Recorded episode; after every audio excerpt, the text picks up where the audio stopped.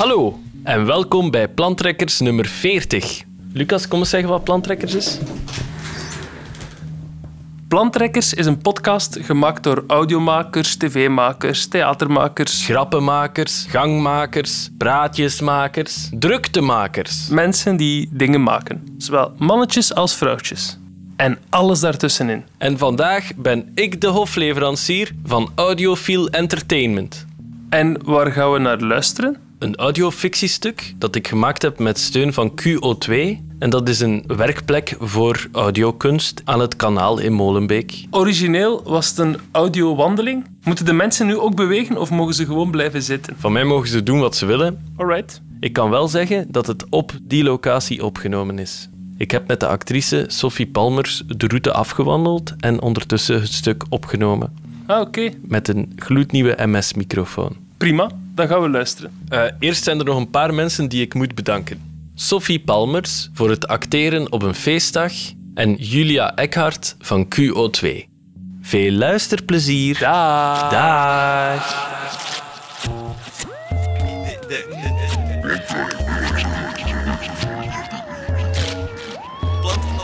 Handtrekken. Nee, maar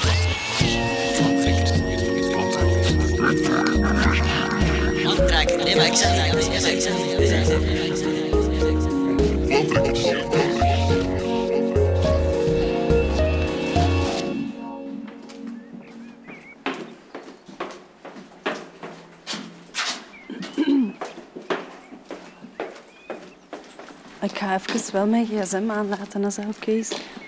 Het is gewoon dat ze mij moeten kunnen bereiken als er iets is met mijn moeder.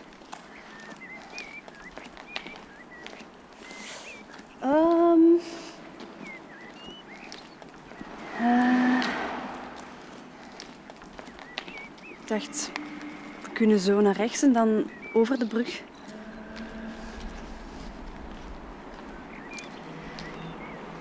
Ik heb zo de laatste maanden altijd dezelfde droom. Dat, eh, ja, ik ben dus bij mij thuis en ik zit in de badkamer. Het is mooi weer. Door het raam komen de vogeltjes naar binnen. De zon schijnt zo. Onze Ware zit in bad en eh, ja, ik ben echt zo content. Ik zit thuis in mijn huis met mijn man en mijn kinderen en ja, ik ben content. Het is gewoon content, hè. Niet, niet, ik ben niet het allerdolgelukkigste van mijn leven of zo, maar gewoon goed. goed. En eh, ik trek die tube uit bad, hè. dat water dat begint weg te lopen. En dan zie ik Warre in dat putje gezogen worden.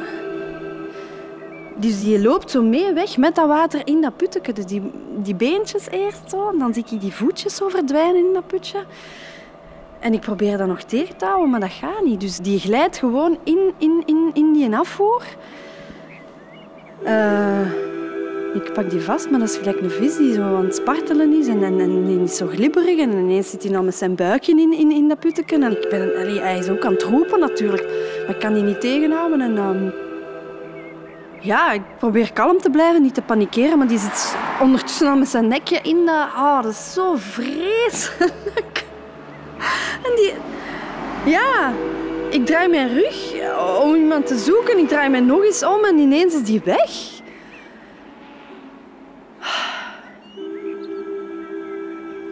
Ik loop die kamer uit. Ik ben natuurlijk totaal in paniek. En daar staat dan mijn hele familie te kijken. Mijn moeder, mijn vader. Die kijken echt zo heel afkeurend naar mij. En dat zeker twee of drie keer per nacht dat ik daarvan wakker word van die droom. En dan voel ik me zo schuldig. Hè. Ik, ik ben zo... Dan voel ik me zo schuldig dat ik echt niet weet waar ik moet kruipen.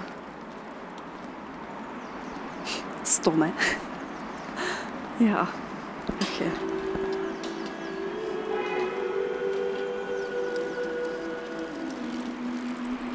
En dan te bedenken dat ik vroeger nooit iets droomde. Hè. Ik ging gewoon slapen, ik sliep en ik werd wakker. Hè. Maar nu, amai.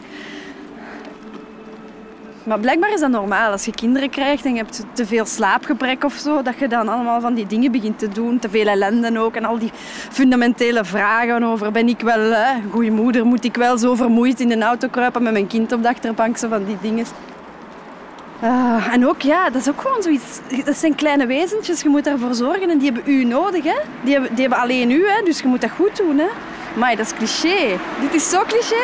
Sorry.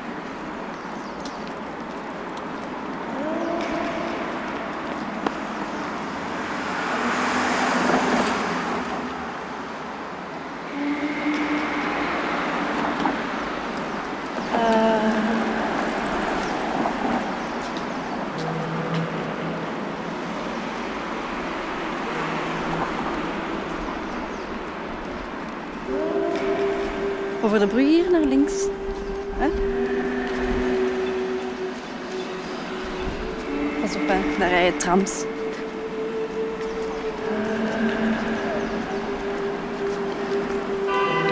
Ja.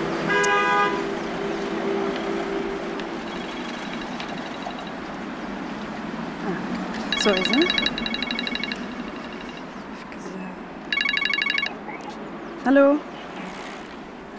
Ja, Warretje, ja hè? Waarom meld je? Wat heeft de broer gedaan? Een scheetje in, u- in uw gezicht gelaten, ja. Ah, kom, geef de broer eens door. Zeg, wat hoor ik daar allemaal? Gaat u een beetje gedragen, hè? Wilt u alsjeblieft een beetje gedragen, oké? Jij bent de oudste, zij is lief voor je broer. Nee, ik blijf niet lang weg. Oké, allee, tot straks, hè? Tada. Ja. Broers, amai. ja. Ik had ook een broer. Wij waren maar met twee thuis. Alleen mijn ouders natuurlijk ook. Timo, dat was mijn broer. Ik moet zeggen, ik vond dat eigenlijk toen niet zo'n toffe. Allee, ik mag dat niet zeggen, maar dat was wel zo. Ik was negen en dat was mijn broer. Die pestte mij altijd. Die zei altijd alien tegen mij. En ik dacht gewoon, ja, hoe denkt een negenjarige? Ik dacht gewoon, fuck you, ik heb u niet nodig. Ja.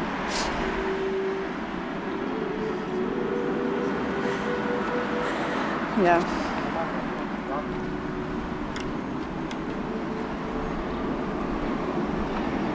Hij was op kamp en er was een stom ongeluk. En toen was het alleen ik en mijn ouders. Ja. Ik herinner me dat moment nog goed. Hè. Ik was tien. Het was kerstvakantie. Mijn broer was op kamp en dan ineens telefoon. Hm. Wat wil je daarover nog weten?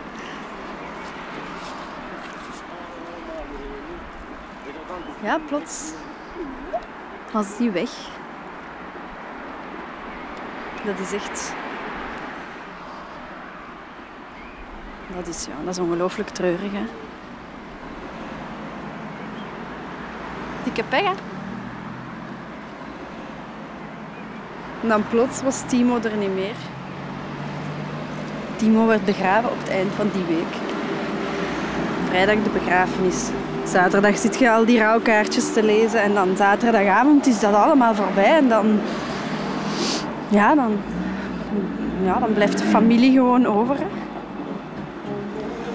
dan blijft gewoon de familie achter en met het gemis. Ja. Je mist die enorm. Je ziet die overal. In zijn kamer zitten die, in zijn lievelingst-t-shirt. In die plaats aan tafel, eigenlijk bij ons thuis gaat niemand daarop zitten.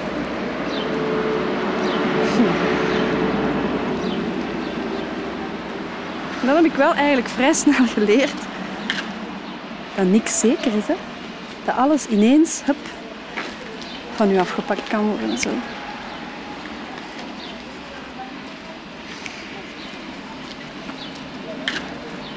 Dat iedereen gewoon in no time weg kan zijn. Dat is wat ik daar wel aan overhoud. Dat gemis na een tijdje verdwijnt. Hè? Dat, dat krijg je zo verwerkt. Maar die angst, zo de angst om iemand te verliezen.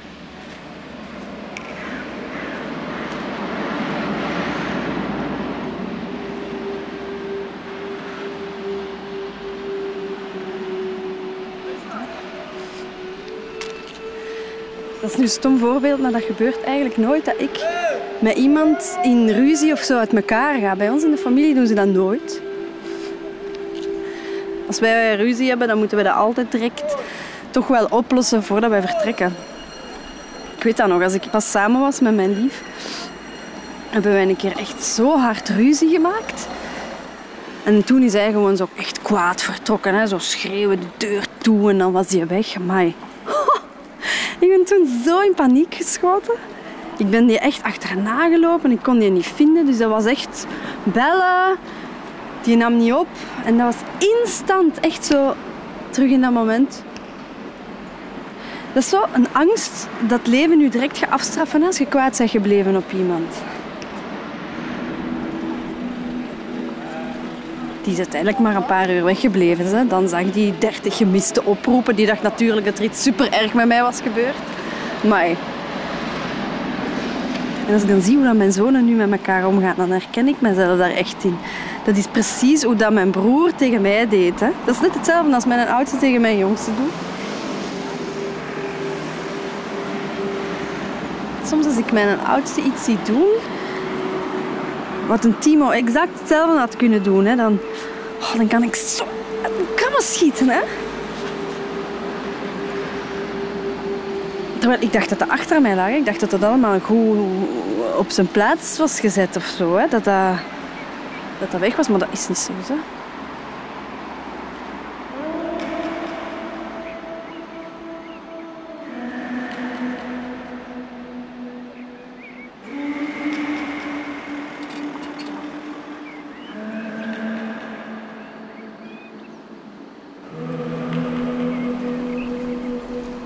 We zijn hem dan nog gaan bezoeken in het ziekenhuis. Mijn mama, mijn papa en ik. Hij leefde nog. Allee ja, de machines hielden hem nog in leven.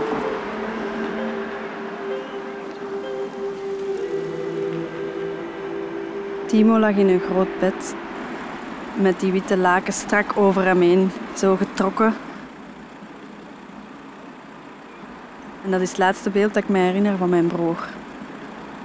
Omdat ik wandelde dan weg en dan keek ik zo nog eens om naar de achterkant van dat bed. En dan voor mij zo'n groot raam. En hij lag daar. Zo nog net kon ik die zien, zo tussen de kussens. Kleefband en draadjes aan zijn hoofd. En zijn ogen dicht. Een windel rond zijn hoofd. En die krullen die daar zo nog net doorkwamen, prima. En dan van die beeldschermen en infuuszakken rond hem.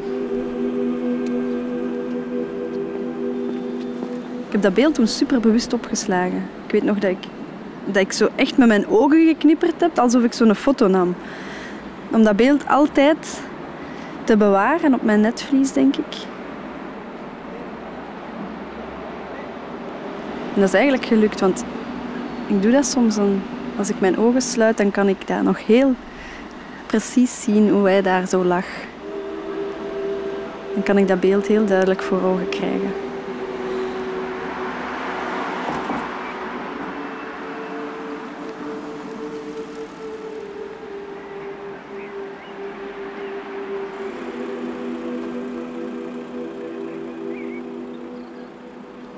Na de dood van mijn broer werd mijn moeder wel heel ongerust.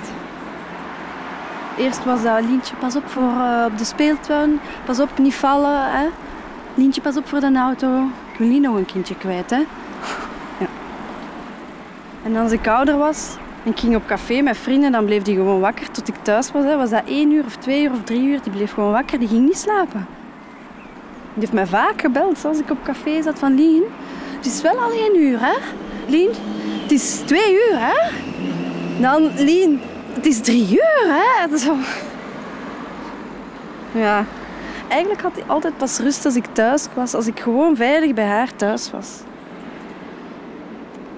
was eigenlijk op den duur een running gag. Als ik op café zat, van ah, wanneer gaat uw ma nog eens bellen? Gaat ze nog eens bellen of gaat ze nu niet meer bellen? En ik heb zo'n vriend gezien. Hier. Die... Uh, die stuurt soms nog zo van die sms'en van Lien, het is tien na vier. Lien, het is drie uur. Lien, het is vijf voor twaalf. Allee, zo.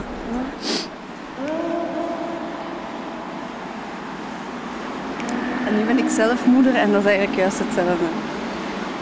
Mijn leven bestaat eigenlijk uit angst.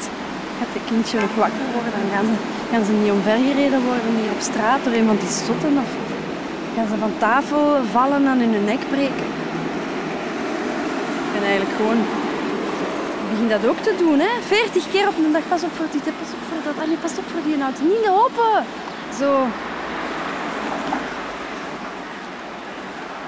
Ik ben mijn moeder aan het worden, maar in het klein.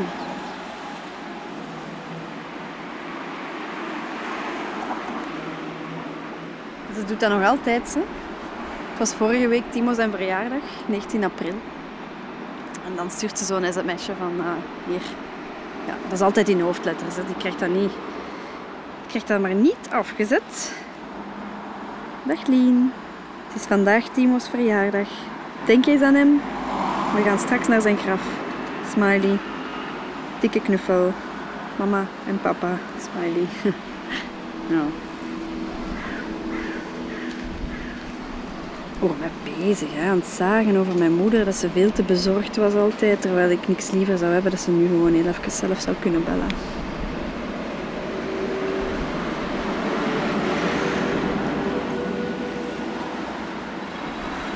Oh.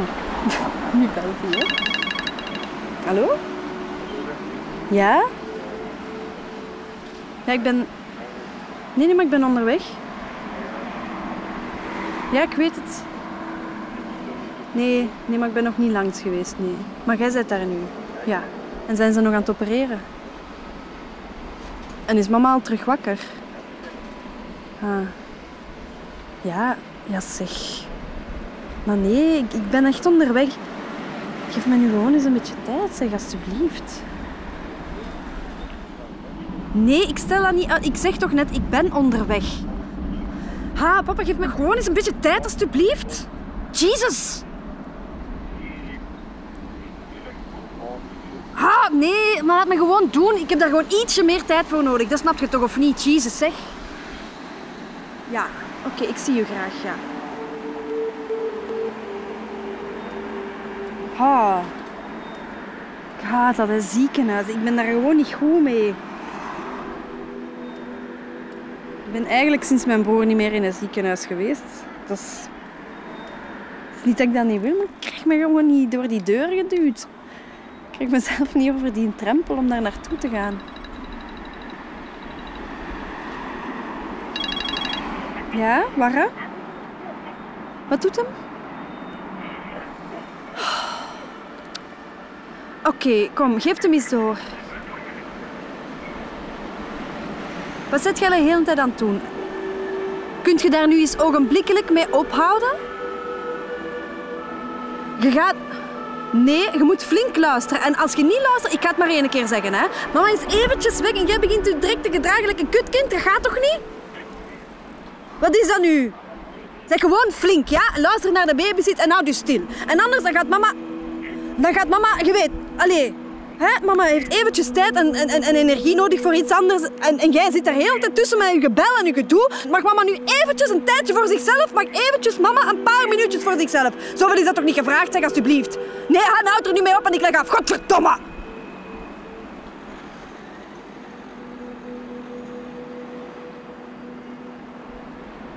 Oh, zeg. Zo moeilijk kan het zijn eigenlijk. Ah, die kinderen soms. Ah.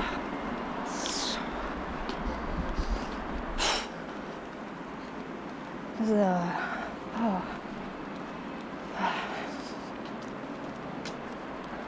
Oh, dan moet je niet direct te denken, ik heb niks gezegd. hè. Ik heb, allee, ik heb geen sorry gezegd, ik heb ook geen... Ik zie u graag gezegd, ik heb gewoon geroepen en afgelegd. Dat kan ik niet maken, hè. Kind kan daar toch niet aan doen, alsjeblieft, zeg.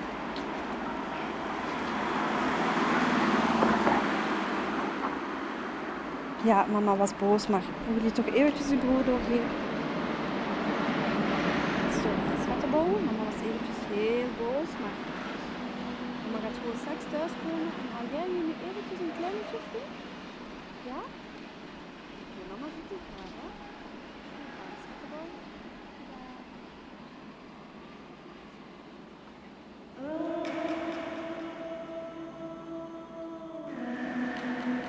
A Walk Through a Hellhole. Een audioverhaal van Wederik de Bakker. Met de stem van Sophie Palmers. Dank aan Tinne Klaas, Julia Eckhart en de gemeente Molenbeek. Opgedragen aan Jasmijn de Bakker.